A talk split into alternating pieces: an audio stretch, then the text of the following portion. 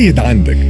قيد عندك ونرجع على تفاصيل المتعلقة بدعوة وزارة الصحة لغير المسجلين في منظومة إيفاكس باش يلتحقوا بمراكز التلقيح. donc كان هذايا في بلاغ البارح لوزارة الصحة اللي قالت إنه كافة المواطنين اللي ما همش مسجلين في منظومة إيفاكس الإلكترونية الخاصة بتلقي اللقاحات توقيا من كورونا ممكن إنهم يلتحقوا بمراكز التلقيح وهذا à partir من اليوم الخميس 2 سبتمبر à partir من نصف النهار. donc المواطنين هذوما يمشيو يتلقوا التلقيح نتاعهم في المراكز اللي يصير فيها التلقيح على شرط واحد أنهم يستظهروا بوثيقة اللي تثبت الهوية نتاعهم وهذا كما قلت à partir من اليوم نصف النهار و j'en profite d'ailleurs باش نذكر ب آه، يعني une autre date importante اللي هو السبت هذا نهار 4 سبتمبر باش يتم تنظيم يوم تلقيح مكثف مخصص لحاملي السلاح وزيادة للمواطنين اللي تلقاو الجرعة الأولى من التلقيح نهار 8 أوت 2021 donc بالنسبة للناس اللي تلقاو الجرعة الأولى le 8 أوت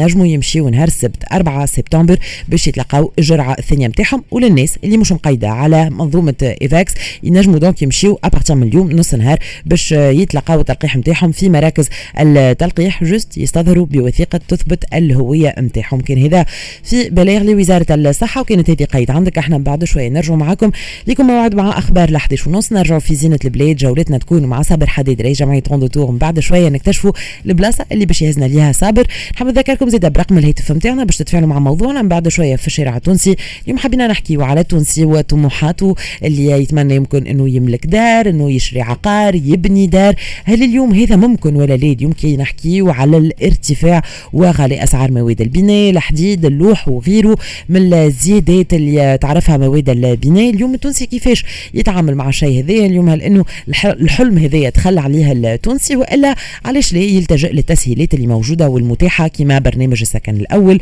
وإلى القروض السكنية اللي تنجم تعتبر حل ويخمم فيها التونسي نستناو تفاعلكم مع موضوعنا نستناو مشاركتكم معنا direct بعد شوية في الشارع التونسي وتتفاعلوا معنا وتتصلوا بنا وتدخلوا على 71 725 ألف مرحبا. بكل تليفوناتكم الموسيقى أخبار ال 11